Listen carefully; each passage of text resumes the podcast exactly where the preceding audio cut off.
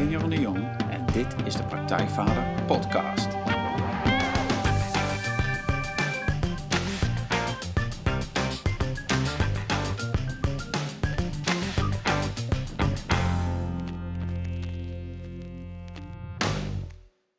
Welkom bij een nieuwe aflevering van de Praktijkvader Podcast. Jeroen hier en goed dat je luistert.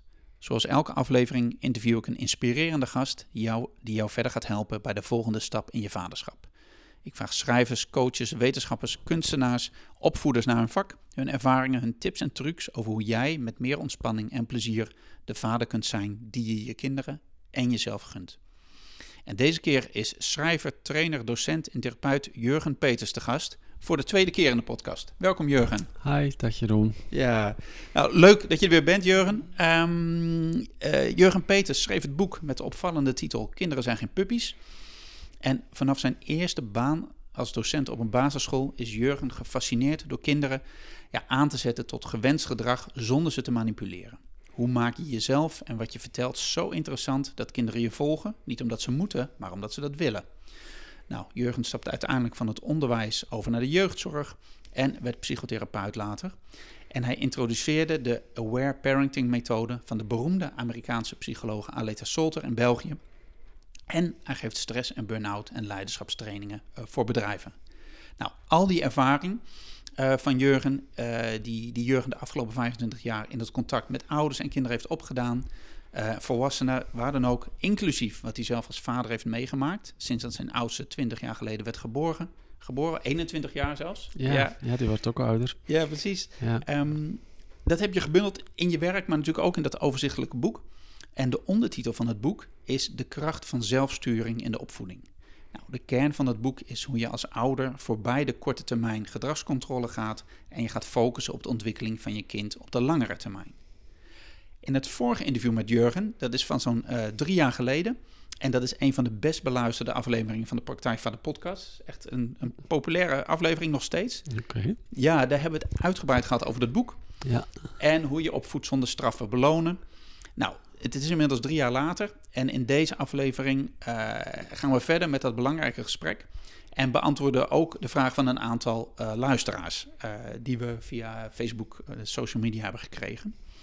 We gaan het opnieuw over opvoedthema's als, als afgestemd ouderschap hebben. Want dat is een nieuwe term um, die, die Jurgen heeft geïntroduceerd. Wat betekent dat?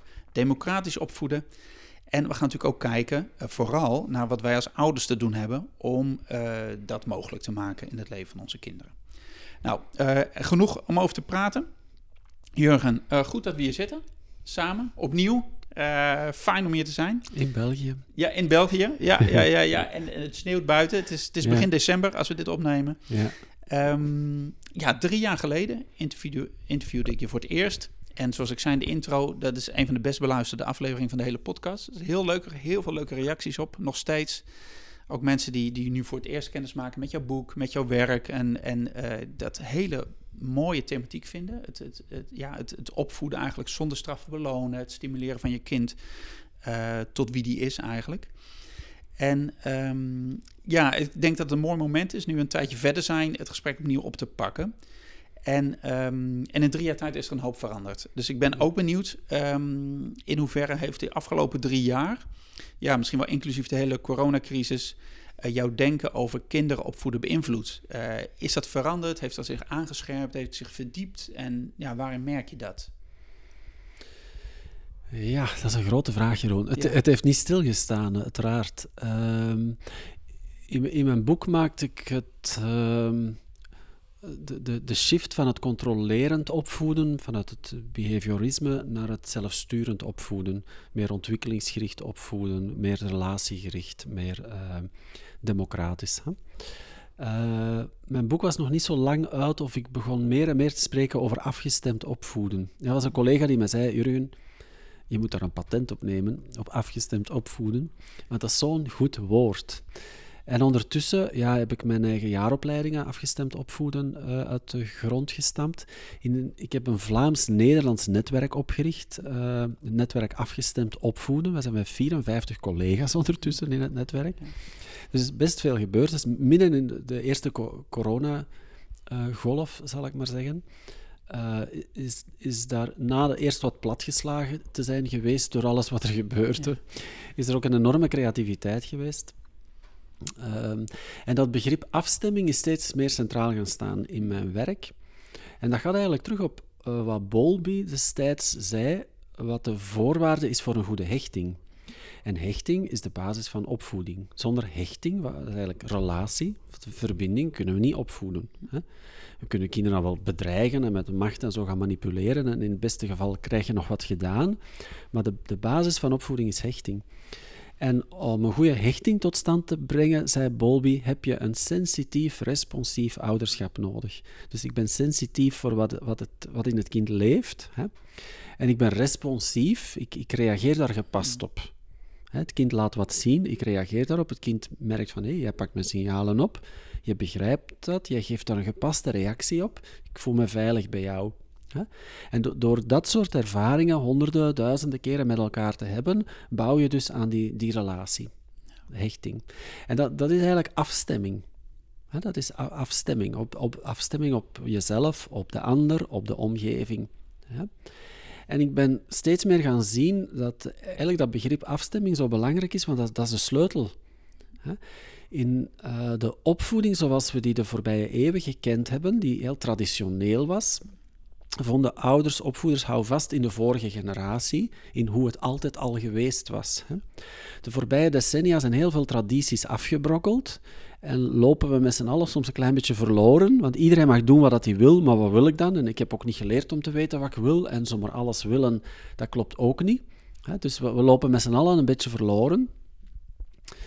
Um, en de sleutel om je weg te vinden en houvast te vinden als opvoeder, als ouder, is dus afstemming. En het, het, dat heeft dus het begrip zelfsturing verder uitgediept. Zelfsturing uh, is iets dat zich langzaamaan ontwikkelt, dus het vermogen om jezelf te sturen. Van bij de conceptie is het vermogen aanwezig, maar dat moet zich vormen. En je kan niet baby's, peuters, kleuters, maar alles laten doen wat ze willen. Dan krijg je ongerichte wil, onhandelbare gedrag enzovoort. Hè. Dus er is sturing nodig. Maar hoe stuur je kinderen op een manier dat ze leren zichzelf te sturen? Vandaar met metafoor van de puppytraining. Hè. Dat is niet zo handig een methode die ontwikkeld is om dieren te trainen, om die zomaar één op één te gaan toepassen op kinderen. Ook al werkt dat bij jongere kinderen wel eens om, om hun gedrag te controleren. Want dat gaat, dat zit die, dat gaat over straf en belonen. Precies. Ja, ja, ja.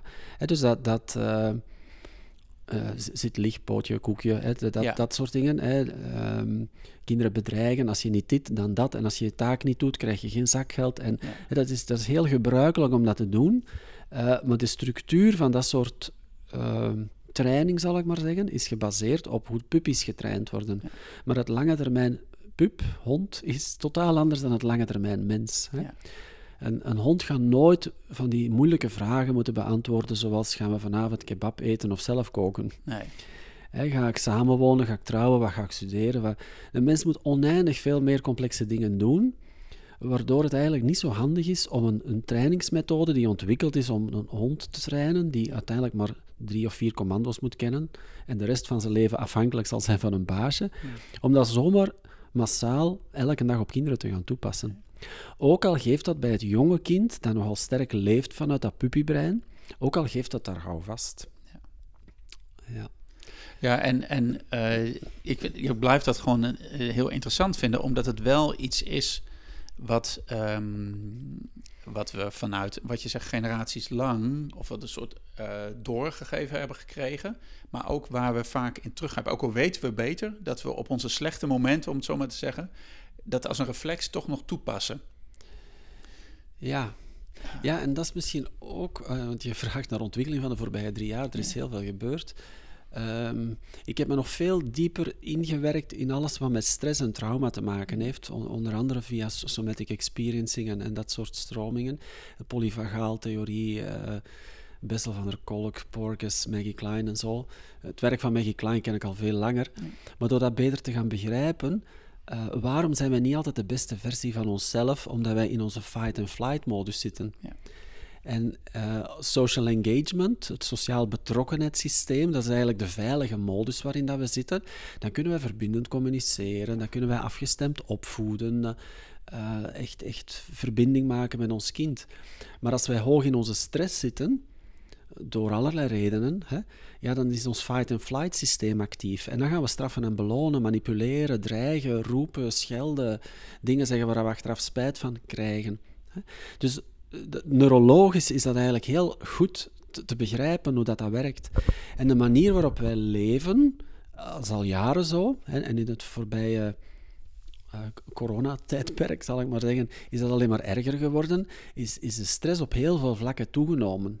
dus dat, dat zet ouders, gezinnen, leerkrachten zodanig onder druk dat ze eigenlijk voortdurend, hersentechnisch dan, in hun fight-and-flight systeem zitten. En als dat overprikkeld wordt, zit in de freeze. Gedissocieerd, afgevlakt, op automatische piloot. Uh, dus dan zijn we niet meer in contact. En dus dan kunnen we ook niet verbindend opvoeden of afgestemd opvoeden of wat dan ook. Dat gaat niet meer. Hè? Ook al weten we in theorie van, ik zou nu dit of ik zou nu dat. Ja, die, dat kan je niet doen als je niet echt verbonden bent. Nee. Dat is de, dat is de kern, denk ik. Ja, en, dat is, oh, en het, is, het is zo logisch en het is zo lastig, want je zegt van onze omgeving, onze maatschappij, ehm, we leggen ons, uh, de lat voor onszelf leggen we hoog, zeg maar. Dus, dus we zitten eigenlijk continu in een omgeving die het lastig maakt om afgestemd op te voeden. Dus om vanuit, vanuit een, een open blik of betrokken naar onze kinderen te kijken. Hmm. Maar dat is, dat is natuurlijk een maatschappelijk probleem. Ja. En, en wat, wat is dan. Wat is de eerste stap hè, als je dit beseft van, van, van, van, van als ouder? Hè, veel mensen zullen dit herkennen. Ehm, wat is er dan nodig, zeg maar? Wat, wat, wat raad jij mensen aan die, die bij jou op consult komen of die jij spreekt, of om, om hier een, een eerste stap in te zetten? Ja. Ehm, ik, heb, ik heb nooit een stappenplan. Hè. Nee. Is, uh, afstemming is de sleutel. Dus we beginnen altijd waar dat we zijn. Dus dat is voor iedereen anders. Hè. Uh, als ik mijn ouders merk dat het probleem vooral is gebrek aan pedagogisch inzicht, dan geef ik pedagogische inzichten. Is het gebrek aan inzicht in hoe dat een kind zich ontwikkelt, dan geef ik een mini-lesje ontwikkelingspsychologie. Maar zijn er relatieproblemen die het kind spiegelt, ja, dan gaan we misschien op de relatie inzoomen. Is, zitten mensen heel erg in de fight-and-flight-modus, ja, dan gaan we kijken van hoe ga je met stress om. En een van de beelden die ik in mijn boek gebruik is van lijden met lange ei naar lijden met korte ei. Dus dat gaat over leiderschap hè, hmm. eh, als kwaliteit. Hè. Dat veronderstelt bewustzijn en moed. Bewustzijn, als, als je het niet ziet, dan kan je er niks aan veranderen. Dan ga je gewoon in patronen schieten, automatisch dingen herhalen.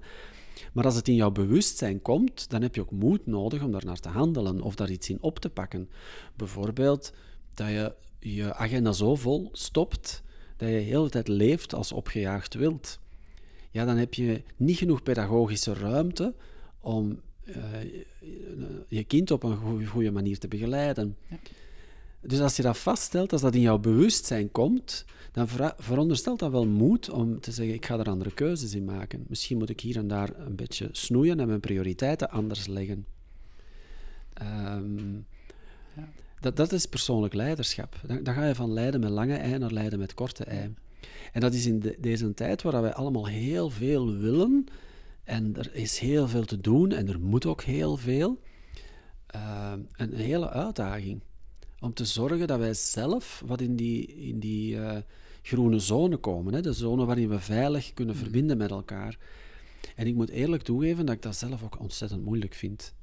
Hè, dus de, de, de druk langs alle kanten zo, ja, coronastress en maatregelenstress en zo. Sommigen hebben heel veel bang, angst voor het virus, anderen zijn heel bang voor wat, wat al die maatregelen met onze samenleving mhm. doen en ontwrichten en, enzovoort. Voor ons sociale brein is dat ook problematisch, al die afstanden en... Ja. We moeten allerlei dingen doen die ingaan tegen onze natuur. Ja. Dus dat betekent dat wij, toch, toch voor vele mensen, voor sommigen is dat ook een zegen, Sommige mensen vinden het ook heerlijk dat er meer afstand is en meer isolement is. Hè? Dus eh, voor hun is dat, brengt dat tot rust. En dan wordt hun pedagogische ruimte groter. Voor anderen, ja, die zitten dan in het rood wat hun stress betreft. Ja, wordt die ruimte juist kleiner en gaan ze veel minder goed kunnen omgaan. Dus dat is bij iedereen een beetje kijken van wat, wat helpt jou om die pedagogische ruimte wat te vergroten. Hey, en hoe doe je dat zelf? Uh, als jij zegt, hè, ik vind het soms ook lastig, om zeker, zeker nu zeg maar, om in, in het groen te blijven, om het zo maar even te zeggen. Wat doe jij zelf om daar, wat helpt jou daarin? Um, ik, ik probeer in de beperkingen van de situatie toch altijd te zoeken naar, naar ja, dingen die mij dus helpen. Wat, wat, ga ik doen? Ik ga, ik ga s morgens wel eens 20 minuten gewoon wandelen. En soms wil ik dan wel een uur wandelen, maar ik heb dan nog te veel andere dingen. Ja. Maar dan toch die 20 minuten te wandelen. Ja. Gewoon even. Of soms spring ik zelfs morgens vroeg op mijn fiets en ga ik doelloos fietsen. Gewoon hier in de straten van het dorp. Ja. En dan kom ik 20 minuten later terug thuis en dan, ik begin de dag anders. Ja. Soms ook hartcoherentieoefening of iets meditatiefs.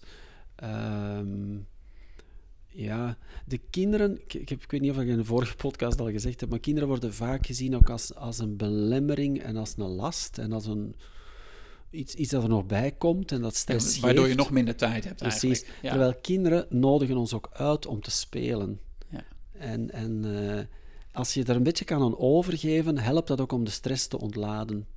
Dus het, bij regelmaat, ook al zijn mijn kinderen ondertussen tieners, uh, bij regelmaat te spelen met elkaar. Ja dat gaat evengoed aan tafel van woordgrapjes en gekke dingen doen, tot uh, fantasiespel, tot uh, ja, ook samen gaan skaten en hockeyen. En, en ja. Uh, dat, dat, dat, daar echt bewust tijd voor te maken. Omdat dat dan nodig is om in balans te blijven. Ja. Dat is wel mooi. Want dus ik heb uh, ooit, uh, ooit een, uh, had ik, was ik een tijdje met een haptotherapeut in begeleiding. En die, die zei van ja, je moet gewoon in beweging komen. Als je niet weet, gewoon ga, ga, kom van die bank af, ga iets doen. Ga, nou, wat je zegt, ga fietsen, ga lopen.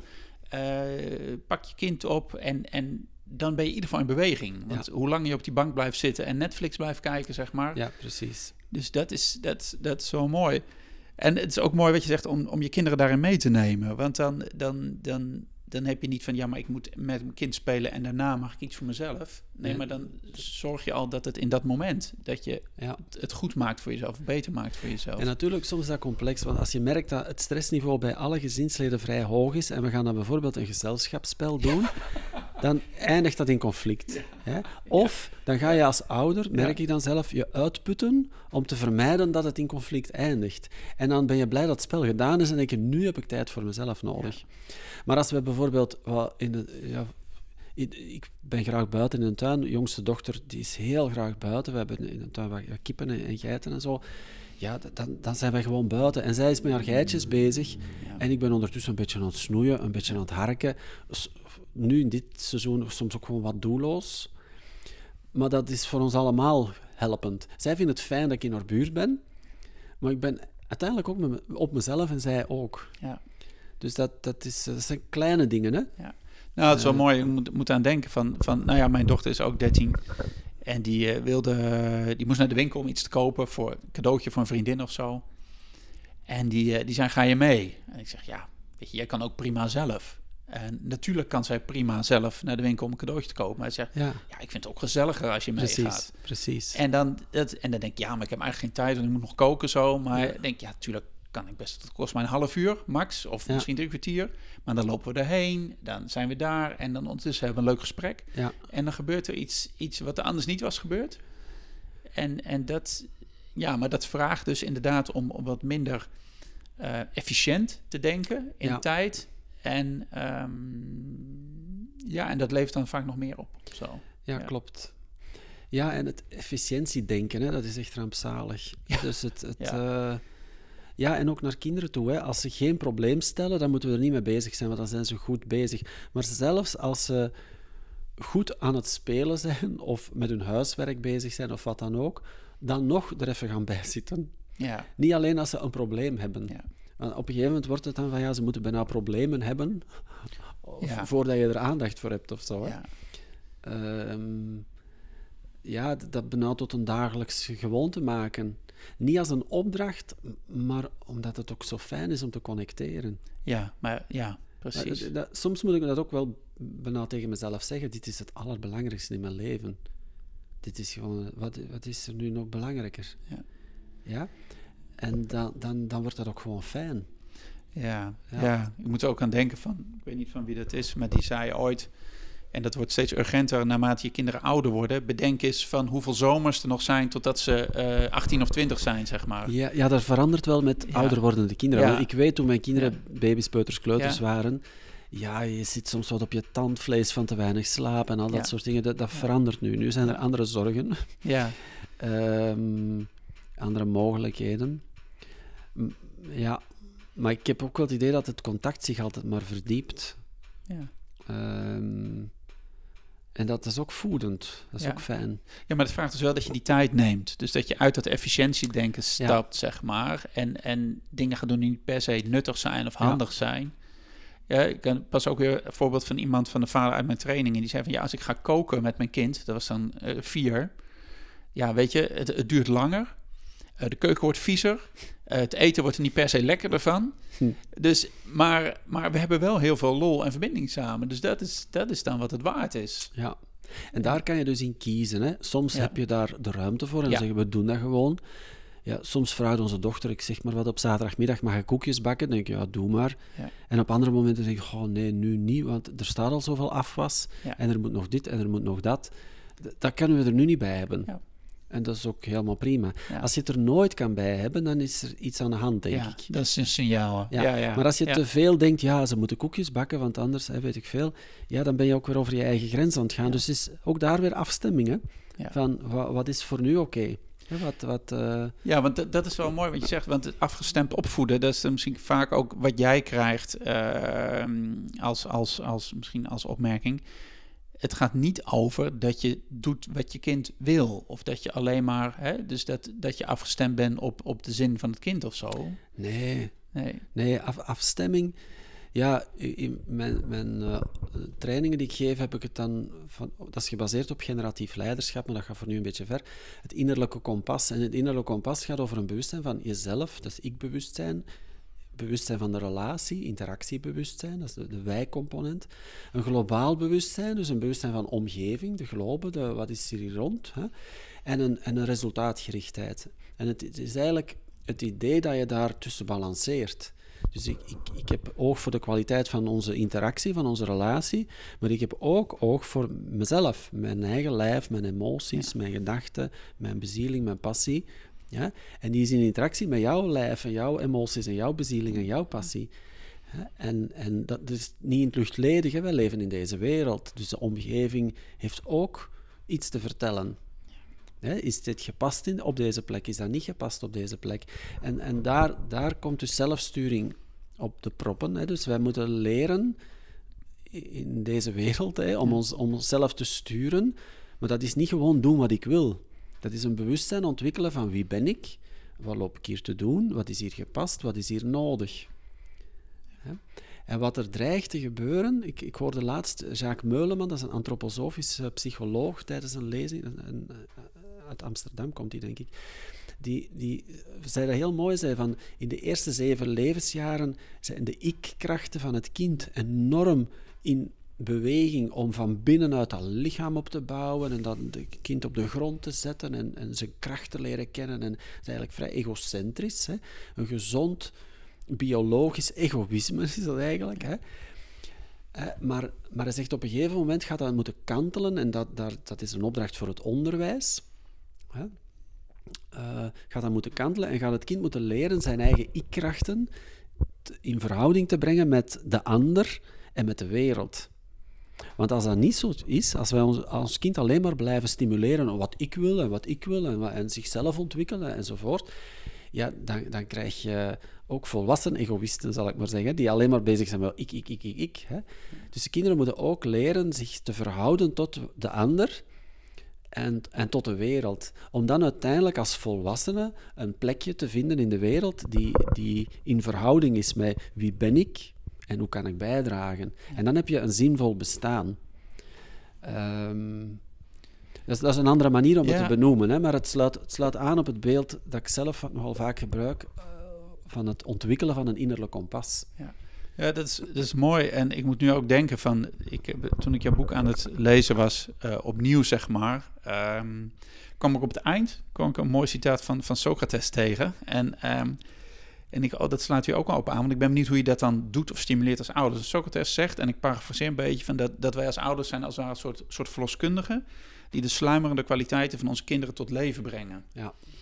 En ehm, dus, dus wat kunnen wij als, als ouders, hoe, hoe doen wij dat, zeg maar? Als je nu hebt over die ikkracht die je zegt, of, of wat, wat er leeft in het kind, zeg maar. Ja. Ja, het, het, dat is misschien ook een van de ontwikkelingen van de voorbije drie jaar. Er is veel gebeurd. Ehm, ja, een kind is veel meer dan alleen de genetica en de opvoeding. Dus elk kind dat op de wereld komt, heeft ook zijn eigenheid bij. Het is moeilijk te grijpen. Is dat de ziel? Of, of ja, we kunnen er allerlei woorden voor gebruiken, maar dat is uh, moeilijk te vatten eigenlijk. Van, en mensen die meerdere kinderen hebben, zien dat. Hè. Je hebt drie kinderen, die heb je alle drie hetzelfde opgevoed, als dat al zou bestaan. en die, die tonen allemaal een heel eigen ontwikkeling, een eigen pad. En, en, en bij, bij regelmaat moet je dan bijsturen en je verhouden tot de realiteit van dit kind. Zoals een kleuterjuf mij dat ooit zei van hou je van je kind of hou je van het beeld dat je maakt van je kind. Ja, Vond ik een heel, een heel pittige, maar, maar ze heeft toen wel een, een belangrijk ding gezegd, want dat is, eh, dat is 15 jaar later is, is dat nog blijven plakken. Um, dus we hebben ons te verhouden tot de eigenheid van het kind en tegelijk moet het ook opgevoed worden. Dus het kind is van ons afhankelijk om zijn weg te vinden in de wereld, om een sociaal wezen te worden met grenzen en frustraties enzovoort te leren omgaan. Maar tegelijk is dat een zichzelf ontwikkelend wezen, waar wij geen idee van hebben wat daarin zit en hoe dat, dat eruit gaat komen en waar dat dan naartoe gaat. Dus we zijn eigenlijk gids in een gebied dat we niet kennen. Hè? Dus dat, dat, is, dat, is, uh, dat is heel bijzonder. Als het goed zit, zeg ik dan dikwijls, zijn wij... Uh, ervaren in het gidsen. Niet in het gebied, maar in het gidsen. Dus wij weten hoe dat het is om in onbekend gebied rond te lopen en onze weg te zoeken. Ja, dat is zo, zo vind ik wel mooi, want die, die is wel heel, heel, heel helder. Ja, en ik moet ook denken aan van wat, um, wat Vera Helleman die, die zegt dan van, hè, van, van we hebben allemaal een soort, of het nou ziel, essentie, kern of wat het dan ook is. We zijn allemaal een, een bloembolletje, zeg maar. Hm. En ik denk dan, ja, en als ouder is het dan taak om goed te kijken wat voor bloembolletje is dat. Is een tulp of een narcis? En, en maak ik, als het een narcis is, wil ik er dan een tulp van maken? Precies, of, precies. of mag het een narcis zijn? Ook al hou ik niet zo van narcis eigenlijk. Maar ja. dus, dus die, dus hoe... Ja. kan ik leren de schoonheid van de narcis te zien. Ja. Het is ook maar een oordeel. Ja, precies. Ja. precies. Nou, ik vind het wel mooi wat jij zei van, van hou ik van mijn kind of hou ik van het beeld wat ik van mijn kind heb. Um, want dat sluit ook wel aan op, op hadden we het in het voorgesprek al even over, over het onvoorwaardelijk opvoeden. Ja, het, onvoorwaardelijk opvoeden van, van Elfie Koon, zeg maar. Ja. En, um, en, en jij zei ook van ja, maar dat is wel echt iets anders als het afgestemd opvoeden als waar jij het over hebt. Ja, ja, ja. Omdat veel mensen Elfie Koon kennen en daar ook, ook wel echt fan van zijn, zeg maar. Wat, wat, is, wat is het verschil of waar, waar, waar, ligt die, waar zit dat? Ja, ik ben de laatste jaren... Um, wat, wat moeite gaan krijgen met dat begrip onvoorwaardelijkheid. Hm. Omdat je, er zijn altijd voorwaarden. Het, het, lijkt dan alsof je alles moet goedvinden of zo. Dus ik vind dat woord onvoorwaardelijk. Hè. Onze liefde is onvoorwaardelijk. We zien ons kind altijd graag. Hè. Maar het gedrag vinden we niet altijd goed. Dus dat moeten we dan gaan, gaan uitleggen en zo. Um, en vandaar dat ik op een gegeven moment ja, op dat begrip afstemming kwam. Van, eigenlijk draait het daarom, af, afstemming. Ik, ik moet niet, als ik met onvoorwaardelijk bezig ben, dan raak ik met mezelf soms in conflict. Ben ik nu onvoorwaardelijk of, of stel ik nu toch voorwaarden, maar ik heb voorwaarden en mag ik geen voorwaarden hebben? En dat is, dat is een, bijna innerlijk conflict, maar er zijn altijd voorwaarden. Ik vind niet alles zomaar oké. Ja, als een moeder mij vertelt van ja, mijn kind van twee bijt mij tot bloedens toe, hè, zo ja, dat is niet oké. Die moet weg. Stop mm daarmee. Ik wil dat niet. Dat is mijn lijf. Dat mag je niet pijn doen. Punt. Ja. dus is, uh, je kunt daar heel ver in doorschieten, in onvoorwaardelijkheid. Van hoe, hoe, ver mag die ander gaan. Dus in elke relatie zijn voorwaarden. Onze kinderen moeten ook leren dat we niet dag en nacht eindeloos beschikbaar zijn. Hm. In de babytijd, eerste half jaar, jaar, ja, 24 op 7... Dat, dat is begrijpelijk. Hè? De baby is zo afhankelijk. Maar gaandeweg moet je leren ja, moeders en vaders die hebben ook grenzen, die hebben ook hun eigen ruimte nodig. Nu, nu lukt het even niet. dat, is, dat, is, dat is nodig. Dus, dus in dat opzicht vind ik dat, de dat onvoorwaardelijk zo, soms wat een moeilijk begrip. Maar dat is eigenlijk vooral het woord wat, wat, wat het... Ja, ja, ja het woord roept associaties op en conflicten op. Ja. Maar ja, misschien is dat met afstemming ook zo. Hè. Ik, ik weet dat niet. Uh, het wordt om de duur misschien een semantische discussie. En ik ben enorm fan van het werk van Elfie Kohn daar niet van. Uh, dat, dat, uh, maar die onvoorwaardelijkheid merk ik in de praktijk dat dat dikwijls een soort conflict veroorzaakt. Nou, wat, wat ik mooi vind aan, uh, nog even los van, van de inhoud van, van uh, of Elficoon, uh, die, die is ook voor het stellen van bepaalde grenzen, maar van het, het woord afgestemd, daar, zit, daar komt de relatie in terug. En de onvoorwaardelijkheid, dat klinkt meer als een, de blik van de ouder naar het kind. Ja. En die afstemming, daar zit ja, maar ik ben als ouder ook een mens. En wat jij net zei, ik heb ook mijn eigen behoeftes en mijn dingen. En, en ik moet ook afgestemd zijn met mezelf überhaupt, voordat ik die afstemming met mijn kind kan doen. En daar zit de interactie in. En dat vind ik, dat vind ik fijn aan, aan de term die jij nu oh, uh, uh, geeft, zeg maar. Dat geeft, het geeft mij in ieder geval ruimte en ook een soort, soort, soort helderheid gelijk. Ja, nou, dankjewel. Dat is, ja. Dat, uh, ja, dat is mooi hoe dat binnenkomt dan. Ja, dat is precies wat, wat ik zou willen. Ja, nou, dat is fijn. ja. ja. Hey Jurgen, we kregen een, um, twee vragen, zeg maar. Het is wel leuk om die te beantwoorden van, uh, vanuit, vanuit lezers uh, via, via Facebook, zeg maar. Het zijn twee, twee nou ja, heldere vragen ook wel. De eentje is van, van Ira. En Ira, zij zegt van, um, gaat eigenlijk, zij stelt een vraag ja, voor, voor iemand anders. Of ze, uh, voor een vader die zij kent. En ze zegt, ja, hij is zelf erg autoritair opgevoed met straffen. En is onlangs tot inzichten gekomen uh, wat dit met hem heeft gedaan, hoe dat hem heeft beïnvloed in al zijn huidige relaties met zijn eigen kinderen, partner, familie, vrienden, werk. En door dat, dat autoritaire en straffenopvoedingen um, nou, is hij iemand die graag pleest, uh, mensen wil pleasen, niet wil teleurstellen en dat gaat ten koste van zichzelf. Nou, de vraag is dan natuurlijk hoe. Hoe kan hij hier iets aan veranderen en hoe moet hij hier nu in zijn volwassenheid mee aan de slag? Dus, um, nou ja, dat is, dat is, een hoop. Maar, maar als jij die vraag hoort, zeg maar, wat, wat is jouw antwoord? Ja. Dus, dus als jij zelf die autoritaire opvoeding hebt gehad, daar heb je nu, uh, ondervind je daar de last van, zeg maar, om daarvan af te komen? Ja, dat is een vraag met vele kanten aan. Hè? Ja. Um, Ja, van nature zijn we geneigd om te herhalen wat we zelf gezien hebben. Dus als we autoritair zijn opgevoed, dat zit zo in ons systeem. Uh, bij velen zie je dan dat ze inderdaad gewoon herhalen. Maar als dat in jouw bewustzijn komt van ik wil iets anders, maar, wat, maar wat dan? Hè? Uh, dat, is, dat is een soort, ja, zou we dan een leegte kunnen noemen, waar veel mensen in terechtkomen. Ik wil niet wat ik zelf heb gehad, maar wat dan wel? Dat is ook wat de mensen vaak vragen in mijn trainingen over democratisch opvoeden. Zo, ja, we mogen niet straffen en belonen, maar wat moeten we dan doen? dus we, we blijven eigenlijk in het rijk zitten van de instant oplossingen. Ja. dus we gaan strategieën in het democratisch opvoeden, zoals afstemmen van behoeften, win-win situatie, actief luisteren, ik-boodschappen, bemiddelen, time-in in plaats van een time-out enzovoort. Dat zijn allemaal strategieën in het democratisch opvoeden. Ja. Uh, maar mensen doen dat vaak vanuit eigenlijk hetzelfde uh, paradigma. Dus hetzelfde mens- en wereldbeeld van ik moet mijn kind dat hier onder controle krijgen. Ja? Ik heb een time-in gedaan en nu, nu, luistert hij nog steeds niet. Ja. Hè? Of ik heb behoeften afgestemd en nu wou hij toch nog gewoon maar zijn zin doordrijven. Hè? Zo, dus dan blijven we eigenlijk in dat controle denken zitten. Dat is het, van het mechanistische paradigma, industriële tijdperk enzovoort. Hè? Dus het mechanistisch wereldbeeld, het gedragsgericht kijken, het controle denken. Ja.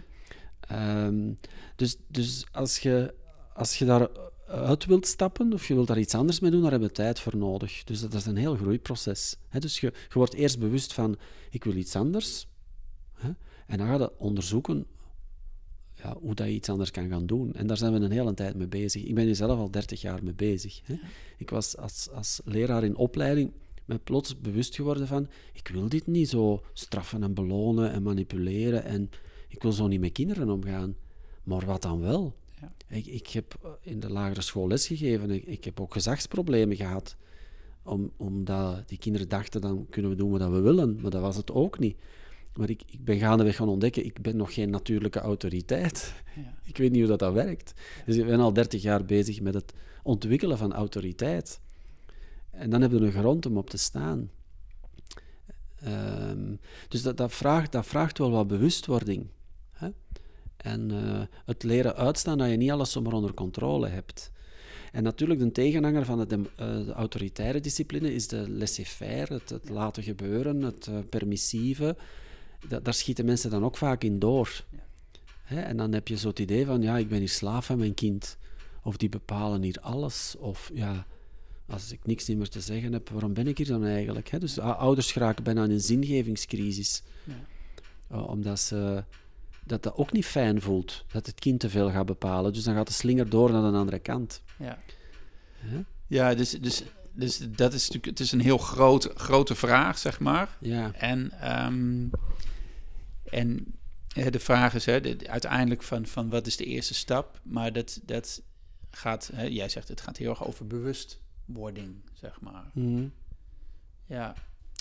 Ja, bewustwording en dan gaan kijken, ja, waar loop ik tegenaan en wat, ah, wat heb ik daar zelf voor nodig? Ik heb gemerkt bij mijn oudste dochter, als ze zo in de peutertijd kwam, dat zij naar links liep en ik wou naar rechts, dat er woede in mij naar boven kwam, dat haar wou vastpakken en zeggen, en jij gaat nu naar rechts. ja? En ik dacht, waar komt die woede vandaan? Waar komt die woede vandaan? Ja? En ben toen in therapie gegaan om met die woede niets te gaan doen. Van waar komt dat vandaan? En natuurlijk ligt daar, ja, elke levensfase dat een kind doormaakt, spiegelt onszelf in die levensfase. Dus baby's spiegelen thema's die te maken hebben met veiligheid en vertrouwen. Peuters met macht en onmacht. Uh, kleuters met schuld en onschuld en loyaliteiten.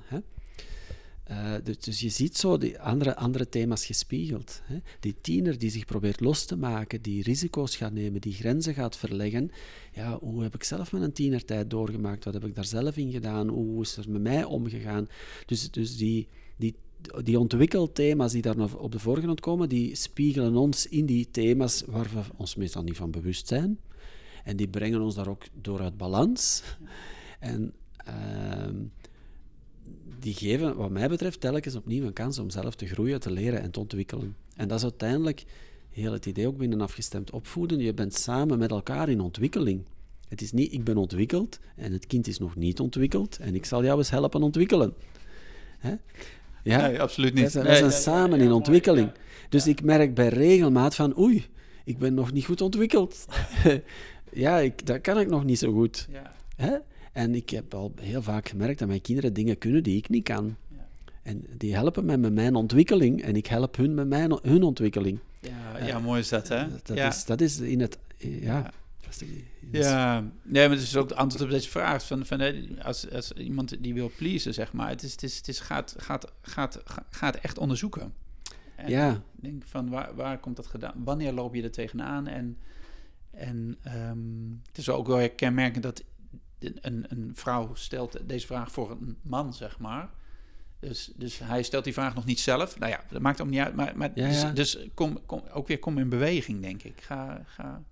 Ja, als je dat merkt bij jezelf, wat ben je dan aan het doen? Waarom ga je pleasen? Wat is het effect daarvan? He, dat, uh, wat hoop je daarmee te bereiken? Ga dat onderzoeken. Ja. En er zijn genoeg plekken waar dat kan. Dat, dat, ja, dat, ah, wat jij in jouw vadergroepen doet. Ja. Nou, het is wel een thema. Het is wel, het is wel een thema wat vaak, wat vaak terugkomt ook bij mannen hoor. Het, het goed willen doen. Het goed willen doen voor, voor hun kind. Goed willen doen voor hun ouders. Ook nog naar hun eigen ouders. Goed willen doen voor een partner. Goed willen doen op, op het werk, zeg maar. En dan ondertussen jezelf ook vergeten. Wat veel vrouwen natuurlijk ook kennen. Maar dat veel, veel mannen ook. En, en nou, ik vond het wel mooi wat je net zei over dat het kind van, van 0 tot 7 dat ze ik-kracht ontwikkelt dat gaat hier ook, ook weer over. Van kan ik een gezonde ik-kracht ontwikkelen, zodat ik verantwoordelijkheid neem voor mijn eigen stuk en niet meer afhankelijk ben. Want dat is natuurlijk ook van de goedkeuring van anderen. Dus, ja, en het lastige is natuurlijk dat wij uh, vaak te afhankelijk zijn van goedkeuring van ons kind. Ja. En je kent die fopspeen wel waar I love mama op staat. Ja. Het kind kan nog niet praten, maar het, het moet al een boodschap geven: je bent geweldig. Hè? ja, dus denk. Wie, wie heeft dat uitgevonden? Hè, zo, zo, wij, hebben de, wij hebben erkenning en bevestiging van onze kinderen nodig. En dat maakt dat we pedagogisch zwak gaan staan. Dus opvoeden betekent ook, en mijn vrouw is daar gemiddeld beter in dan ik, om op een grens te blijven staan en het uit te staan dat jouw kind jou even heel stom vindt. Dat, niet met geweld op die grens staan, niet met dreigen van als je dat niet doet, dan krijg je geen zakgeld of zo, maar gewoon op die grens te blijven staan. Nee, ik wil wel dat je om negen uur thuis bent. Ja, of we gaan niet meer dat of dat doen, of, of dit is de laatste koek nu, of wat dan ook. Bij tieners, bij kleuters, maakt niet uit. Hè? Ehm, gewoon daar, daar te blijven staan en, en dan te vertrouwen op, en daarom dat ik begon met hechting is de basis, hè, dat is de, eh, de, de, de relatie. Hè, dat, ehm, als, je, als je in die relatie kan vertrouwen, dan, dan kan je heel goed op een grens staan en ook uitstaan dat jouw kind even boos is. Ja. Ja. Ja, ik vind dat echt bevrijdend hoor. Want het, ik vind het belangrijk dat je dit zegt. Want het is natuurlijk, dat, dat raakt ons natuurlijk allemaal. Van, oh, Mm. mijn kind keurt me af. Eh, maar het tegenovergestelde, of als je dat door gaat trekken, dan ga je dus dingen doen om het weer de kind naar de zin te maken. Of, of om die, dat vervelende gevoel bij jou weg te krijgen. En dan zeg je, oh, maar je, hoeft, je mag toch wel om tien uur thuiskomen in plaats van negen uur. Maar dan, dan wordt er dus gezwabberd. Ja, precies. En Ja. op dat moment geef je eigenlijk de controle aan het kind. Ja. Dus het kind gaat veel te veel kunnen bepalen. Ja. En dat is niet helpend voor kinderen om zoveel macht te hebben. En dat zie je met name bij tieners steeds meer. Dat is, dat is wereldwijd een probleem, in de westerse wereld, in, Noord-Amerika, in, in Australië. eh, dat, dat tieners te veel eh, peer-oriented worden, Ja. hè, te Mhm. veel gericht zijn Ja. op de leeftijdsgroep. En zo het idee hebben van die volwassenen hebben we niet meer nodig. Die moeten Ja. alleen onze apparaten sponsoren. Maar voor de rest moeten ze eigenlijk eh, zich gedijst houden. En ouders omgedraaid, die zeggen van ja, ja, die tieners heb je niks aan te zeggen. eh, ja, snappen er allemaal niks van en we laten die maar doen. En die kiezen Ja. en die bepalen zelf en die weten alles al en die kunnen alles al en, enzovoort. Dus je, je, die, die moeten dus eigenlijk bijna zichzelf gaan opvoeden. En het problematische daarvan is natuurlijk dat zij dan ehm, gaan varen op het kompas van leeftijdsgenoten die zelf op een dool zijn. Ja, Terwijl Ja. de, de veilige, liefdevolle volwassenen, dat, dat zou eigenlijk het externe referentiepunt moeten zijn voor hun eigen kompas. Ja. Alita Solter zei me dat eh, twee jaar terug of zoiets, had ik, had ik daar met haar even een conversatie over, zei van, het is logisch dat tieners risico's nemen en dat die zich afzetten. Dat hoort in die tienertijd. Die moeten dat doen, die moeten dingen uitproberen en die moeten zich afzetten. Maar het is niet logisch dat zij zichzelf en hun belangrijke relaties, zijn er met hun ouders en hun leerkrachten, in gevaar brengen. ja, Dat is niet logisch, dan is er iets anders aan de hand. Want dan brengen ze dus de facto zichzelf in gevaar. ja. Dat is, dat, dan klopt er iets niet. En dat verwijst vaak naar, ehm, naar onveilige hechting. En is vaak een lange termijn effect van autoritaire discipline. Ik zeg dat al jaren tijdens lezingen. Je kan die drie, vierjarige nog in de hoek zetten, als die stout is of zoiets. Hè. Als die 15, 16 jaar is, dan zet hij jou in de hoek. ja. Want die heeft geleerd, degene met de meeste macht wint.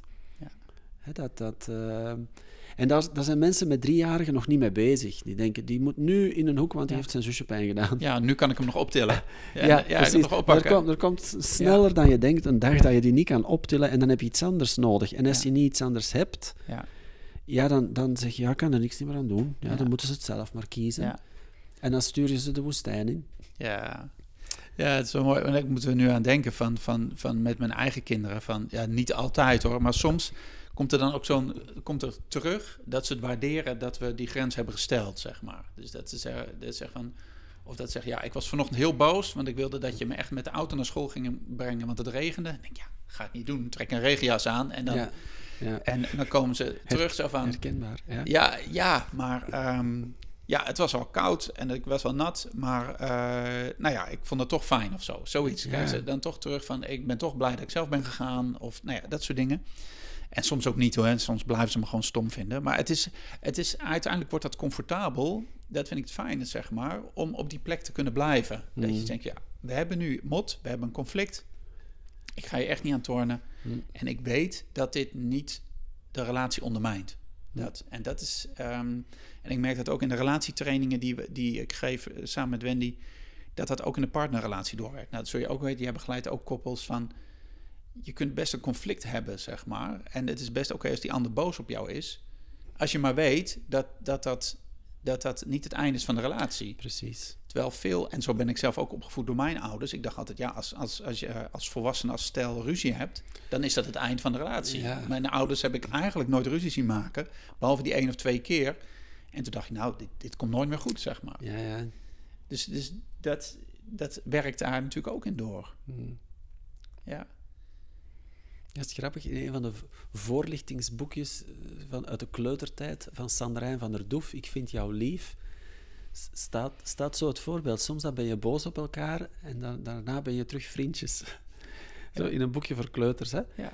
Zo het normaliseren van conflicten ook. Dat hoort bij relaties en dat heb je ook met elkaar aan te gaan. ja. Dat eh, beeld kwam even langs. Ja, maar, maar daar vinden wij dat als volwassenen dus, vinden wij het nog gewoon. Als we naar kleuters kijken, Ja. dan denken we, oh ja, die hebben soms ruzie. ja, En daarna is het weer goed, want kinderen zijn er heel makkelijk in. Hè, op, vaak, zeg maar. ja. Maar dat zouden we als volwassenen ook eh, wat meer kunnen doen. Hmm. Ja. Hey, nog een vraag, die sluit eigenlijk wel een beetje aan bij de vorige vraag. ehm, van, van, van Camille. En zij vraagt... ehm, ja, dit, dit gaat misschien nog een stapje verder. Van hoe beweeg je ouders of leerkrachten tot afstemming en zelfsturing in de opvoeding... wanneer deze mensen zodanig ver verwijderd zijn van zelfverbinding, zelfreflectie... dat ze deze manier van opvoeden heel moeilijk kunnen begrijpen, laat staan integreren. Dus dat gaat eigenlijk over mensen die er misschien niet eens voor openstaan of het helemaal niet kennen. Van, van hoe, hoe prikkel je ze, zeg maar? Hoe, hoe, Ja, die, zul jij soms ook tegenkomen misschien op een lezing? Ja. Of, of, Ja, ja, tuurlijk, ja. Ik heb het daar met Camille al over gehad trouwens. Dat is een, eh, ja. een collega. Ehm, ja, ja, ja, ja. Als het water te diep is, is het moeilijk, hè. Maar ehm, in principe, als je, als je mensen begeleidt, je hebt een mandaat om met mensen te werken, dan probeer je zo dicht mogelijk te komen bij waar ze nu staan en te kijken, ja, wat is de kleinst mogelijk haalbare stap om daar iets in beweging bij te brengen. Dus deze vraag, ja, daar, daar kan ik een hele dag over vertellen. Hè. Dat, is, dat is altijd een beetje zoeken, zo van bijvoorbeeld mensen te laten herinneren hoe dat het voor zichzelf was. In mijn trainingen democratisch opvoeden geef ik wel eens die oefening van herinner een moment dat je zelf als kind gestraft werd. Hè? Hmm. Wat was de bedoeling van de straf? Wat was het effect? En soms door zelf onderzoek te doen, zo kan je veel vragen stellen over Ja. eigen kindertijd. Hoe was dat dan bij jou vroeger en hoe ging je daarmee om en hoe reageerde je daar als kind op? Breng je bij ouders, opvoeders, leerkrachten in iets in hun bewustzijn van, ja, eigenlijk werkte dat niet. Of ja, ik leerde toen maar stiekem dat dan toch doen en niet gepakt te worden. Of, dus vanuit hun eigen ervaring, door het bij zichzelf te brengen, denk ik, ja, zou het kunnen dat dat bij jouw kind niet zo heel anders is? Hè? Als je jouw kind straft, dat er bij het kind ook andere dingen gebeuren Mhm. dan dat, dat, dan dat jij nu denkt. je Ja. hebt een bepaalde bedoeling, maar het effect is misschien iets heel anders. Hè? Dus op, op die manier, dat is maar een van de vele Ja, mogelijkheden. maar ik vind het wel een hele mooie pro- manier. probeer je dat ja. in het bewustzijn te brengen van hoe ervaar je dat dan zelf. Ja. Ook als mensen vasthouden aan bepaalde opvoedingsstrategieën, daar echt heel serieus op in te gaan van hoe werkt dat dan precies? Wat, wat, wat zie je aan als effect daarvan? Eh, hoe, hoe denk je dat jouw kind dit beleeft? Eh, zodat dat echt uit te pakken met elkaar zo. Eh, en soms komen ze dan tot de vaststelling van ja, als ik heel eerlijk ben, werkt dat niet echt zo goed. Of ik weet eigenlijk niet hoe dat mijn kind zich voelt dan. Hmm. Ja? Hoe voel je je daar eigenlijk zelf bij op dat moment? Ook nog niet echt bij stilgestaan, maar echt fijn is dat niet, hè, om zo met je kind te doen of zo. Hmm. Dus je, dat is een andere manier om dat in bewustzijn te brengen. Ehm, maar ik heb zo geen standaard manieren of zo. Hè. Dat is, oh, afstemming is mijn, mijn sleutelwoord. Hè. Dat is Ja. altijd opnieuw zo van... eh, ja. En natuurlijk, door het feit dat ik er al 30 jaar mee bezig ben, heb ik heel veel verhalen, metaforen, Ja. die soms op dat moment even iets openmaken. Maar evengoed, zeker als ik voor een zaal spreek, weet ik dat er ook mensen in de zaal zitten die denken, Jurgen Peters, dat is flauwekul. Dat werkt Ja. niet. Ja? Ja. Dat, dat, dat is er ook. Ja. Ooit iemand gehad die boos werd in de zaal op mij. dat, dat ik flauwekul stond te vertellen. Ja. Ja, dus dat, dat kan ook. Hè. Dus en, en wat ik, doe je dan als, je, als dat gebeurt? Dan, dan, dan probeer ik daar rustig onder te blijven. ja, ja, Zo ja. van, ja, dat kan. Je hoeft het ook helemaal niet eens te zijn met mij. Ik had laatst nog tijdens een lezing iemand die zei van, ja, dan moet hij toch gestraft worden. Hè, Het kind had iets gedaan dat echt niet kon. Ja. Ehm, en hij had erover gelogen. Hm. Het ging over een kind van vier of zoiets. Hè. Hij had erover gelogen. Ja, zeg, ja, maar ja, dat, eh, weet je waarom dat hij dat gedaan heeft? Ja, nee, maar hij moet toch niet liegen? Als hij niet zou liegen, dan zou ik hem niet straffen. Maar omdat hij liegt, moet ik hem toch straffen. Ja, ik, ik kreeg daar weinig ruimte om... Ja. Ja, en ja, na, na, weet ik veel, op tien minuten waren we nog steeds op het punt, hij moet gestraft worden. Ik, oké, dan moet je hem straffen. Ik zeg niet dat je hem niet moet straffen. Ik zeg, ik zeg niet wat andere mensen moeten doen. Nee. Ik, ik probeer dingen in bewustzijn te brengen en dan kan je zelf misschien kiezen, wat doe ik daarmee? Ik vind het ook beter om hem te straffen, ja, dan moet je die straffen. Dat- Als je dat beter vindt, denk dat dat goed is voor je, het kind enzovoort, moet je dat doen. Ik heb daar andere ideeën over, ik zet die daar langs. Ja, dat, eh, daar ben ik met de jaren wel veel rustiger in. Ik weet, twintig jaar terug was ik militanter. Van, we mag niet met kinderen en we moeten dit en we moeten dat en zo. Dat ik ondertussen denk, goh, we zijn allemaal een beetje aan het knoeien in het ouderschap. Eh, laat ons al eens beginnen met zelf proberen Ja. eh, dingen te doen zoals we het ideaal willen doen. En dan bij regelmaat op beperkingen stoten. Dus het, dwingt dan wat tot bescheidenheid Ja. om, om te zeggen wat andere mensen moeten doen. Ja, hey, en, en nu, hè, nu jou- jouw kinderen zijn, zijn tieners of jouw oudste is, is eh, al volwassen of jong volwassen. Zijn er dingen die, die jij, hè, je, je zei net ook, ik blijf leren, zeg maar, die jij nu ontdekt? Of, of die je nu denkt, oh, dat, dat waar je tegenaan loopt, of die je nu hebt geleerd? Of, of wat ik, vraagt het iets anders van je? Wel, eh, ik heb daar nog met ouders over gehad die al van kind af aan zo meer afgestemd opvoeden, zoals ik het dan nu noem, of meer vanuit de aware parenting, unconditional parenting enzovoort. Ehm, ja, dat je merkt bij tieners dat je daar een heel andere relatie mee hebt. En mijn kinderen kunnen dat zelf soms ook zien. Eh, Zo, zo die, die bijvoorbeeld zeggen van, ja, maar sommige leeftijdsgenoten die praten nooit met hun ouders, hè papa? Hm, Dat is ja. niet zoals het hier eraan toe gaat. Hè? Zo, ja, er is een soort relatie van wederzijds respect. En dat wil niet zeggen dat het altijd makkelijk is. Maar een grappig voorbeeld. eh, mijn ehm, eh, oudste dochter heeft sinds twee jaar een eh, vriend. En die vindt vaak zo... Kinderen zijn geen puppies en opvoeden zonder straffen en belonen vindt dat een beetje flauwekul. Kinderen moeten weten wat ze mogen en niet mogen, ze moeten gestraft worden. En dan zei hij bijvoorbeeld, stel dat jouw zoon van jou op stap mag gaan, die moet om één uur thuiskomen s'nachts en die komt om drie uur thuis. Dan moet hij toch gestraft worden. Ja, dan gaan we daarover hebben en zo. Ja, maar als, als hij niet gestraft wordt, dan denkt u, oh, ik mag hier doen wat ik wil. Hè? Waarop mijn dochter tegen hem zegt, je begrijpt het niet, hè. Zo gaan we niet met elkaar om. En dan dacht ik, goh, kinderen worden advocaat van de methode. Ja, mooi is dat. Hè, dus, Ja. dus op een gegeven moment, hebben dat ergens... ge- we hebben nooit cursus gegeven, democratisch opvoeden. Hè. We hebben die dingen uitgeprobeerd en proberen voor te leven. Ja, mooi. En dan merk je dat ze dat oppakken. En het grappige is, mijn zoon is, is bijna 17. Die gaat regelmatig oppassen bij kinderen. En dan hoor ik van die ouders terug hoe dat hij met die kinderen omgaat. Ja, en dan zie je dat hij de dingen toepast die wij hier ook toepassen. Ja. Dus die, die, hoe dat die conflicten oplost, hoe dat die begrenst, hoe dat die... eh, dan denk ik, wauw, ja, dat is die integreert dat op de een of andere manier. Nou, het is zo mooi, want het is natuurlijk het is logisch. Eigenlijk is het logisch, omdat natuurlijk van wat jij zegt van eh, waar we het net over hadden, als je de manier waarin je bent opgevoed, dat is die je overneemt, hè? dat is die je tot je beschikking, daar ben je Ja. in gemarineerd. Dus ja, Ja, ja, voilà. als jij als je autoritair bent opgevoed, dan is dat je eerste. Maar als jij afgestemd bent opgevoed, dan zal dat je eerste beweging zijn. Precies. En Ja. uiteindelijk kunnen ze op een gegeven moment uiteraard vanuit een bewustzijn kiezen van wat, wat, wat pak ik daaruit mee of, wat ga Ja. ik anders doen. Want Ja. mijn vader of mijn moeder was te dit of te dat. Ik, ik doe daar iets anders mee. Mijn, kinderen gaan daar hun eigen weg in zoeken. Hè? Ehm, maar tot op vandaag merk ik wel hoe fijn dat dat is. Eh, ja, ik weet toen dat mijn kinderen in de peuter, kleutertijd zaten, dat ik van binnen dacht, dit is echt de beste manier om met kinderen om te gaan, maar ik weet dat niet zeker. En dan kreeg ik natuurlijk nog veel meer kritiek uit de omgeving van ja, de kinderen, zo, zo, zoveel ruimte dat de kinderen krijgen. die mogen alles. Die mogen alles. Ja, en zo. Dus ja, en zo lang in hun draagdoek zitten en zo. Dus, ja.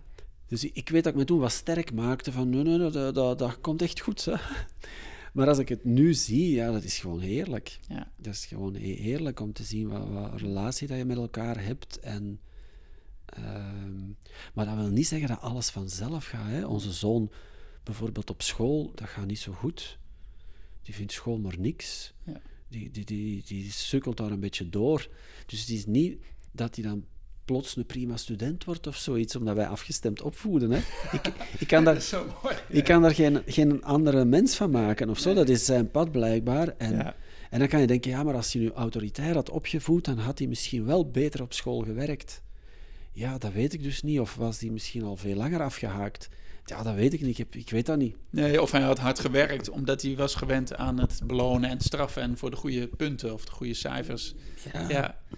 Nee, maar ik vind het wel een geruststellende gedachte, wat jij zegt. En ook omdat ik dat uit mijn eigen uh, opvoeding, of de, hoe ik mijn kinderen zelf ook wel herken. Van heel veel ouders met jonge kinderen die eraan beginnen, die denken, ja, met die baby's en die peuters en die kleuters, nou ja, dan pakt het ongeveer zo. Maar ik heb geen idee hoe het is als ze straks 18 of 20 zijn. En, um, en, en, en als ik dan ook, ja, zoals jij vertelt over jouw kinderen, als ik dan naar mijn eigen kinderen kijk, vind ja, ze komen wel terecht, maar het is niet altijd makkelijk. Of iedereen heeft, zijn, heeft zijn eigen uh, gebruiksaanwijzing of heeft, heeft iets anders nodig. Maar ik ben ook, ja, denk net als jij, gewoon wel dankbaar of blij voor hoe we het hebben aangepakt. Of hoe dat mhm. is gelopen. Omdat ik wel zie dat ze, dat ze, dat ze wel ja, gewoon, gewoon richting die volwassenheid gaan met, met een bepaalde zelfvertrouwen of dat, dat die, die band tussen ons is, is in principe gewoon is oké. En van daaruit komen ze natuurlijk ongetwijfeld weer hun eigen, eigen dingen tegen. Ehm, en, en ook misschien denk ik wel van de vraag die misschien ook wel, die kan jou wel stellen van, ja, als jij die, die ouders op consult hebt of spreekt, zeg maar, met, met kleine kinderen. En die zeggen dan, ja, maar wat als, als ze dan puber zijn, wat moet ik dan doen? Want nu kan ik ze nog uh, in de draagdoek doen, of nu kan ik ze nog, uh, maar als ze puber zijn, wat dan? Goeie vraag. Ja. dat dat, dat ja. kunnen we daar nog niet op antwoorden. Nee. Ja, want ja, hersenen doen er 25 jaar over om uit te rijpen. Hè? Dus het is een heel lange termijn project. Dus we, we doen dat stap voor stap, millimeter voor millimeter. Dus ik weet nog niet hoe, hoe, dat het kind van vier zich gaat gedragen als die 12 is of 15, dat weet ik niet weet ik niet voor welke uitdagingen dat je dan komt. En als er dan uitdagingen zijn waar je van voelt, ik, ik weet het niet, ik zie het niet, ja, dan ga je een beetje hulp moeten zoeken. Vraag iemand om mee te kijken, of vrienden, kennissen, familie, of, of eventueel professionele hulp als, het echt, uh, als je er niet uit geraakt, om eens even mee te kijken van wat zijn we hier aan het doen. En uh, in deze tijd is dat meer nodig dan vroeger, denk ik, omdat uh, in de geschiedenis opvoeding redelijk traditioneel bepaald is. Dus ouders vonden hou vast bij hun eigen ouders over opvoeding. Maar nu is op een paar decennia tijd de wereld zo veranderd ja. dat we geen houvast vinden in onze eigen opvoeding. Dus ja, waar, moeten we dan houvast vinden?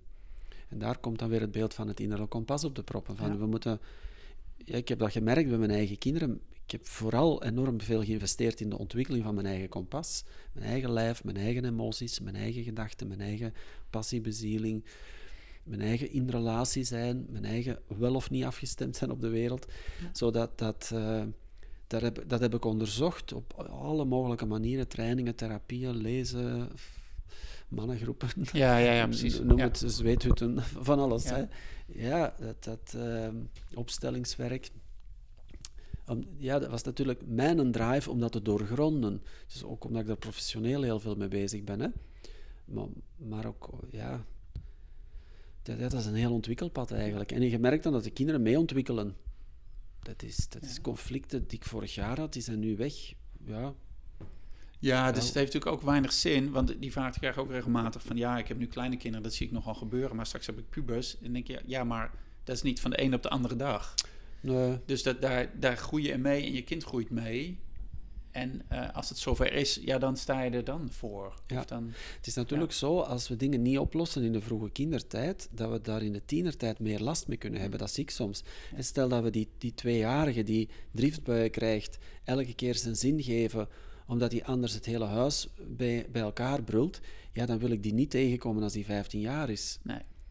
Ja, dus het is niet onbelangrijk om bij jonge kinderen na te denken over lange termijn effecten. Zoals ik daar straks zei, als je die, die kleuter in de hoek zet, ja, die zet jou over tien jaar in de hoek. Want die heeft dat geleerd. Zo moeten we met conflicten omgaan. Degene die het meest macht heeft. Ja, precies. Ja. Dus het is wel belangrijk om daarover na te denken, maar heel concreet weten wij natuurlijk nog niet wat we gaan tegenkomen over vijf jaar met onze kinderen. Ik ben al blij dat ik vandaag een beetje weet wat, ik moet wat ik moet doen. Ja, ja, dat is denk ik, ja, de rest zal zich wel aandienen. En dan, uh, ja. Uh, mooi. naast het opvoeden uh, spreek je ook regelmatig voor, voor professionals, ook in het onderwijs. En ik zag ook dat jij was geïnterviewd voor de podcast Afgestemd Onderwijs. Dus dat is ook, dat is eigenlijk een soort, nou ja, we hadden het daar van tevoren ook even over, omdat ik eigenlijk dacht dat het jouw podcast was, dat is van iemand anders. Um, maar de, ja, die vertaling van het afgestemd opvoeden in de gezinssituatie naar het afgestemd opvoeden in het onderwijs, waar dat natuurlijk ook speelt. Um, ik kan me voorstellen dat heel veel leerkrachten, eh, docenten, dit, dit beamen, dit snappen, dit verhaal. Ja, ja, ja, En dat het tegelijkertijd niet eenvoudig is om dat te implementeren of dat toe te passen, want er zijn school is een systeem, daar zijn leerdoelen en daar moeten dingen geregeld worden. En hoe doen we dat? Dus die vertaalslag van hoe, hoe, wat is daarvoor nodig? Hoe pakken we dat aan? Ja, bij, bij uitbreiding, Jeroen, gaat het over leiderschap met mm. korte ei. En um, als je kijkt wat er van het onderwijs gevraagd wordt, die moeten alle maatschappelijke problemen oplossen heel veel dingen die met kinderen mislopen. Ik denk dat wel, wel één op de drie kinderen in het onderwijs speciale noden heeft of zo. Hm. Dus dat is gewoon, het zij door scheiding, door gedragsproblemen, dyslexie, ADHD, noem het. Hè. Er, er, is, er is veel. Hè. Uh, en de druk is groot, hè, met hybride lesgeven en online en, en fysiek en, en, en uh, de druk van administratie. Enfin, er, er komt zoveel op leerkrachten af dat die vaak verdrinken gewoon. En dan kom je bij wat ik daar straks zei van de fight and flight. Hè. Als, als we zelf in overlevingsmodus zitten, kunnen we niet meer connecteren. Ik, ik weet ik, ik ga voor corona een, een, een, gastcollege aan leerkrachten in opleiding over zelfsturing en, en um, ja, een beetje, beetje mijn, mijn werk zo. En ik zei het, eigenlijk is het allerbelangrijkste als leerkracht het bewustzijn van wie ben ik en waarom sta ik hier? En van daaruit de connectie te maken met wie zijn jullie en waarom zijn jullie hier? Dat is het allerbelangrijkste. Dat is de basis van het onderwijs. Als dat er niet is, ja, dan, dan heb je lastige kinderen en moeilijke klassen en dan moeten die gemanaged worden en betucht worden en gemotiveerd worden om nog iets te leren en, enzovoort. Hè. Maar alles vertrekt vanuit een bewustzijn van wie ben ik, waarom sta ik hier, wie ben jij en waarom sta jij hier. Ja, dat is leiderschap. Hè? Dat is het genereren van leiderschap in jezelf, maar ook het genereren van leiderschap in de ander. Waarom ben jij hier? In dat, in dat auditorium zaten zeker 15 studenten tijdens mijn uh, gastcollege. Oh, oh, die zaten op hun uh, smartphone. Hè? Ik zag dat gebeuren. Ik denk, wat zijn jullie aan het doen? Ik, ik sta hier. Ik sta hier iets te vertellen. Ik heb het over uh, aanwezig zijn in het hier en nu. Ik, ik had het zelfs ergens gehad over de mythe van multitasking.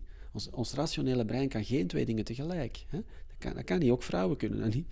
ja, ja, dat is zo. Je kan, wel, je kan wel in de kookpot roeren en ondertussen een praatje maken, maar je kan niet een recept bestuderen en een praatje maken. Dus het rationele brein kan geen twee dingen tegelijk. Dus je kan niet op Facebook, weet ik veel, wat zitten doen en ondertussen college volgen. Dat kan niet. Niemand kan dat. Uh, dus op een gegeven moment stop ik even en ik zeg, ja, sorry, ik moet er iets van zeggen, maar ik zie dat hier zeker 15 mensen ergens anders zijn. Dus die zijn niet hier.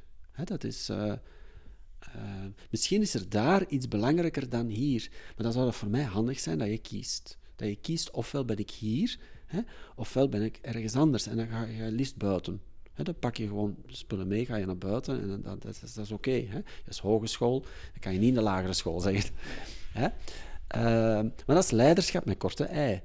Als ik dat niet doe, dan ga ik leiden met lange ei. Dan ga ik daarna tegen iedereen zeggen, ja, die studenten die letten niet op en die zitten op hun telefoon. En, ja, snap je? Dan gaan we leiden. Hè? Maar dat is, ik, doe dat, ik neem iets waar, hè? dat komt in mijn bewustzijn.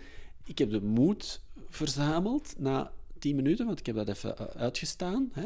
Van, ik moet er iets mee doen. Want dat, dat, dat. En dan heb ik hen ook gezegd, ik vind dat lastig als ik hier sta, dat ik niet weet of jij hier bent of ergens anders. Dus voor mij heeft dat impact op, op heel het gebeuren hier. En dat is globaal bewustzijn. Hè, van, als de aandacht niet gefocust is, dus die verdeeld is, stel dat jij een vadervuur doet en twee vaders zitten ondertussen op hun smartphone, ja, dan ga je toch ook zeggen, hallo, uh, ja, ja, zitten, nee, zitten waar zijn jullie? Dus, en dat verstoort de energie van de groep. Dus, maar dat vraagt dan leiderschap, hè? om te zeggen, hallo, hier, hier is de aandacht nodig. En dat soort kwaliteit, denk ik dat leerkrachten nodig hebben om, om in deze tijd nog te kunnen werken. Ja. Hey, maar wat gebeurde er met die studenten? Hoe liep dat uit? Ja, dat was even ongemakkelijk. Ja. Dat was ongemakkelijk. Dat, dat, dat, zijn ze niet gewend. Er waren vijf docenten bij. Die werden ook een beetje ongemakkelijk. Dus, en daarna, daarna in de pauze had ik het erover met, met de docenten. En die zeiden, ja, dat, dat we, we zijn al gewend. Wij laten die maar doen. Die worden daar niet op aangesproken. Die zijn 18 jaar, die moeten dat zelf maar kiezen. Ja. Hè, dus, dat is ook interessant. Dus die, voor die studenten was dat ongemakkelijk. En dan sommigen staken een weg, anderen ja, die bleven dan toch nog zo half stiekem, eh, weet ik veel wat doen. Ja. Ik heb er op zich ook geen zaken mee wat dat ze dan doen. Maar ik had het over deze ruimte. En wat er hier in deze ruimte moet gebeuren. Dat is net mijn, daar ben ik mee begonnen. wie ben ik? Wat sta ik hier te doen? Wie ben jij? En waarom ben je naar hier gekomen? En zeker in een hogeschool in principe zitten ze daar vrijwillig.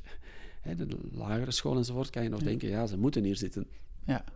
Dat is... Uh, dus da daar ligt volgens mij een grote uitdaging voor het onderwijs, maar het onderwijs is, is daar wel naar op zoek, want ik, ik word de laatste jaren ook veel gevraagd voor de schooldirecties, voor leerkrachten, uh, om het met hen daarover te hebben. Omdat, om, en mensen zijn dat aan het uitzoeken, omdat ze merken ja, het, het, werkt niet meer. Bedreigen en, en ja, dat, ja, dat, is, dat is niet, ja, niet hoe dat je kinderen en jongeren nog meekrijgt. Ja. Um, ja. En, dus en, hoe ga, en krijg je dan terug hoe ze daarmee in de praktijk aan de slag gaan? Of hoe, hoe dat werkt? Of, uh, of, of, dat, of dat effect heeft als ze er anders naar gaan kijken? Ja, uh, de twee. De twee de, de, frustratie van, ja, dat is moeilijk. Hè? Dat, hmm. is, uh, dat is ook moeilijk. Dat is niet dat je 1, 2, 3 verandert of zo. Nee. Uh, maar ik hoor wel van de leerkrachten die daarmee aan de slag gaan, dat ze, dat ze andere relatie met kinderen hebben, andere relatie met de klas hebben. Dat, uh, sommigen hebben dat ook iets meer van nature hmm. dan anderen. Dus sommigen is dat meer een stretch. Sommigen zitten nog veel meer vast in dat autoritaire, maar installeren daardoor vaak meer conflicten. Ja. meer spanning, meer strijd. Ehm, maar ik zeg daar dikwijls bij, we hebben de komende decennia om dat met z'n allen uit te zoeken. Dus dat is niet iets dat we in drie stappen dit schooljaar gaan regelen. dus dat komt in het bewustzijn. Dat zet ons wat, wat, wat overhoop soms ook van oei, hoe moeten we dat doen? Dat zorgt voor verwarring. Dat, dat zakt weer een beetje. We, we proberen iets uit, we gaan weer verder, we proberen iets uit. Dus de komende decennia gaan we daar gaan we dat met z'n allen uitzoeken, denk ik. Nou ja, en het klinkt ook, want ik vond het net wel mooi wat jij zei, van, van alles komt in zo'n klas samen. Dus er komen ook kinderen die, die in, in lastige thuissituaties zijn, of die een diagnose hebben. Of die, en dan in één die klas lijkt het dan dat het lastige kinderen zijn, bijvoorbeeld, of kinderen die niet opletten, of kinderen die... Maar eigenlijk is natuurlijk, die kinderen nemen hun thuissituatie mee, of die zijn gewoon... Dus, dus natuurlijk op het moment dat wij thuis ook meer afgestemd gaan opvoeden zal dat, zullen er ook andere kinderen in die klas komen, zeg maar. Ja, ja dat klopt. Dat, dat, is niet per se makkelijker. Nee. Uh, dat is niet per se makkelijker. Zeker als kinderen goed geleerd hebben te luisteren naar zichzelf, hun eigen gevoel. Die zijn vaak wat mondiger, wat directer. Durven leerkrachten ook directer aanspreken. En als sommige leerkrachten daar ook, ook van een stuk geraken of zo. Ja. Maar iets heel concreets, Jeroen, als het, als het gaat over lijden met korte uh, in de lagere school is huiswerk niet wettelijk verplicht. Er is geen enkele wet die zegt dat je huiswerk moet geven. Toch 90% van de scholen, denk ik, ik heb niet gemeten, in de meeste scholen geven ze huiswerk al vanaf het eerste leerjaar. Hm. Dus zesjarigen die hebben een dag stilgezeten op school, die komen thuis en die moeten opnieuw gaan stilzitten voor een Hmm. opdrachtje te maken, om dat te leren doen. Hè. Denk ik, ja, dat is ondertussen al genoeg aangeduid, onderzocht. Elfie Koon schrijft er ook over. Hè. De, de, Ja. de homework eh, grid, of MIT, ik ben de titel even kwijt. Ehm, dat is onnuttig. Hè? De kinderen die het goed doen, hebben dat niet nodig. De kinderen die het minder goed doen, die hebben daar nog meer stress van. Het is stress voor ouders. Leerkrachten halen zichzelf extra werk op de hals. Hè? En dan denk ik, lijden met korte ei, wat is hier belangrijk? Dus als we vaststellen dat dat niet nuttig is, dat dat meer stress veroorzaakt dan dat dat bijdraagt aan het leren, afschaffen die handel. Dat is heel gemakkelijk. Ja. Ja? Dan komt er ruimte en tijd vrij voor kinderen om s'avonds te spelen. Kinderen die meer kunnen spelen, die zijn relaxter, die kunnen beter tot leren komen, zijn makkelijker in de klas. Leerkracht heeft minder werk met verbeteren, dus kan meer energie steken in andere zaken. Dus er zijn zo, zoveel kleine dingen die je, door ze in jouw bewustzijn te laten doorcijpelen, die kunnen leiden tot, tot ja, keuzes die, die de zaak echt verbeteren. Voor alle betrokkenen. Ja? Dat is maar een voorbeeld, hè? Nou, het zo, is, eh, dat is, ik vind, ja, logisch, als je het zo zegt, dan klinkt het zo logisch. Denk van, maar ik, ik las pas ook, dat een heel mooi voorbeeld, misschien ken je het wel, het over het oplossen van problemen of omgaan met problemen. Dat wij als mensen eh, vaker geneigd zijn om meer te gaan doen, dus om nog iets erbij te doen, in plaats van iets minder te doen. Ja. Dus, dus we hebben een probleem, nou dan, of een probleem, of we vinden dat kinderen huiswerk thuis moeten doen. Nou, en dan, eh, dan daar beginnen we mee in, eh, in het laatste leerjaar. Maar inmiddels zijn we al zover dat we het eerste leerjaar doen. Want dan, in plaats van dat we misschien... Oh, zouden we in het achtste leerjaar of het laatste... Zouden we het ook kunnen stoppen? Of kijken wat er dan oplevert. En ehm, dus, dus, maar dat gaat dus soort tegen onze... Blijkbaar onze natuur in om, om, om niks te doen, zeg maar. Of om Ja. minder te doen. Een leerkracht zei me dat ooit tijdens een lezing. Ze zei, ik vroeg zo, waarom geven jullie huiswerk? En ze zei, ja, omdat we dat altijd al hebben gedaan. En dat is het argument van de traditie. Ja. Hè? Ook al zegt onderzoek iets heel anders. Hè? We doen dat omdat we dat altijd al deden. Maar als dat nu niet zo efficiënt blijkt, als dat niet zo nuttig blijkt, als dat meer stress oplevert dan leerresultaten, waarom zou je dat dan blijven doen? Hè? Dat, dat is bewustzijn en de moed om er dus iets mee te doen. Ja. Hè, dat is, maar dat kan je over veel zaken zeggen. Hè? Van, van, wa- waarom blijven we dingen doen die niet nuttig zijn en die te veel effecten hebben die we niet wilden? Ja, en waar we veel werk mee hebben om dat te herstellen. Ja. Ja, ik heb o- hoort Martine Delfos, eh, die zei dat vroeger wel eens vaker. Ik ben een heel logisch mens. en ik, ik, ik ben geneigd die woorden te herhalen. Ik Ja. ben- ik- ja, als, ja, het is gewoon logisch nadenken. Ja. Waarom, ik, ik had dat als kind al, hè, de- waarom doen wij dingen die niet logisch zijn? Of die volgens mij niet logisch zijn. Hè? Want Ja, dat is dan kan je er nog over discussiëren. Maar, Ja. Nee, ja, het gezond verstand is vaak ver te zoeken of zo. En dat, dat zit natuurlijk allemaal weer, wat jij zegt, het argument van traditie. Of daar komen allemaal emoties weer bij kijken. Van, van, want ja, dit ben ik nou eenmaal, dit zijn we zo gewend. Of, eh, maar ook misschien de angst eh, om, eh, wat gebeurt er dan als ik het niet meer doe? ja. Ja, Ik moet Ja. in één keer denken aan mijn dochter, die zo zei... Ja, papa kijkt dan op zijn telefoon om te zien of het buiten regent. Je kan toch ook gewoon naar buiten kijken. Ja. We zijn dus meer gaan vertrouwen op machines en technologie dan op onze eigen waarneming. ja, En dan zeg ik wel eens, met het, met het verdwijnen van de boeren is ook het gezonde boerenverstand verdwenen. En boeren ook nu in deze tijd vertrouwen meer op, op computermodellen dan op hun eigen waarnemingen of hun eigen ervaring. Ja. Dat, eh, dat is wel grappig als mijn dochter die spiegel voorhoudt. Ja. Van, eh, Oh, dat is wel grappig. Bij ons is het andersom. Ja. Bij ons is het andersom. Dan gaat mijn dochter gaat 's ochtends op de telefoon kijken voordat ze naar school gaat of ze een regenjas Ja. mee moet nemen. Die zegt, kijk eens naar buiten. Kijk eens naar buiten. Ja, Ja, mooi. Hey, eh, Jurgen. ehm, ja, we komen een beetje aan het, aan het eind, denk ik, van, de, van, het, van het interview. Ehm, ja, is, is er nog iets wat ik vergeten ben te vragen? Wat je zegt van, nou, we hebben het over een hoop gehad, maar ik wil nog iets daaraan toevoegen. Of iets wat je nog, eh, wat je nog wil laten weten, waar we het niet over hebben gehad. Goh, ik denk dat ik essentie wel gepakt heb, Jeroen. Ik, ik Ja. kan nog wel een paar uur met jou hierover doorgaan. Dat, ja. Dat, geraken we nog niet zo meteen over uitgepraat. Nee. Maar ik denk dat ik wel een aantal essentiële dingen heb kunnen aan. Ik vind het ook wel fijn om wat te kunnen delen met jou over de ontwikkelingen van de voorbije jaren. Zo, er is uh, best veel, veel gebeurd zo. Um, ja, het is ook in, in, intens anderhalf jaar geweest, de laatste anderhalf jaar zo, dat, uh, voor, voor iedereen. Ja. Um, en dat heeft ons toch ook op de een of andere manier uitgedaagd om te groeien en, en te, door te ontwikkelen. Mm. En af en toe ook te regresseren. Ja, ja. Ja precies. Want, want wat, wat, als je gewoon puur kijkt hè, van jou als persoon, zeg maar, die afgelopen anderhalf jaar, we gaan richting de twee jaar alweer, zeg maar. Wat, wat heeft het jou gebracht? Goh naast ook stress en frustratie. Die we allemaal kennen. Ja, ja, ja. Ja, ehm, ja toch ook verder in het bewustzijn van wat is echt belangrijk? Hm. Wat is essentieel? Wat, wat hebben we echt nodig om gelukkig te zijn? Dat, is, dat was ergens ja, zo alleen essentiële verplaatsingen mochten nog. Ja. Dat was dan een, een of andere regel. Zo, wat is eigenlijk essentieel?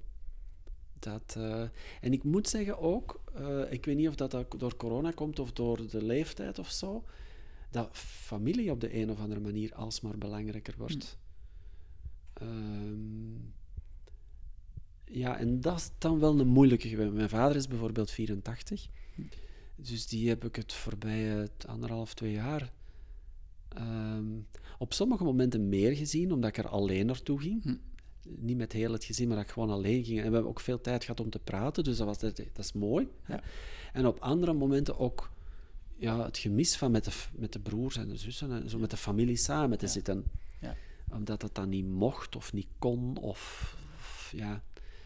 Um, dus dat was soms mooi, soms mooi en, en soms ook moeilijk. Hey, en, en uit nieuwsgierigheid, van, hè, waar heb je het dan over met je vader? Van, van op deze leeftijd, hè? Van, van met hem en met jou ook, zeg maar. Van, van... Um, soms over heel oppervlak, oppervlakkige dingen. Ja, wat discussiëren over politiek en, en, en over, over corona en zo. Ja, dat is het onderwerp van een dag eigenlijk. Hè? Maar dat zijn niet de gesprekken die heel fijn zijn eigenlijk. Maar af en toe hebben wij momenten dat we het ook wel over onszelf kunnen hebben en over mijn opvoeding en over de kinderen en over de relaties en over dingen die in de familie gebeuren en zo.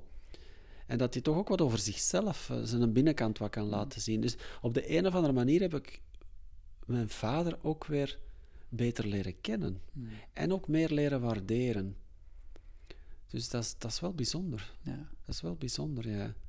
Dat... Uh, Um, en dat is ook een generatie die ook, ook, de Tweede Wereldoorlog heeft meegemaakt, weliswaar als kind, maar toch, die al veel hebben leren uitstaan.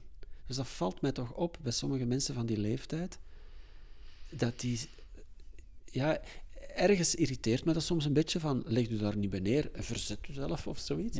Maar er zit ook een kracht in, zo van, ja, sommige dingen moeten, moeten nemen zoals ze komen. Dus een soort acceptatie. En dat heb ik op zijn minst het voorbije anderhalf jaar toch ook bij mezelf af en toe gemerkt van...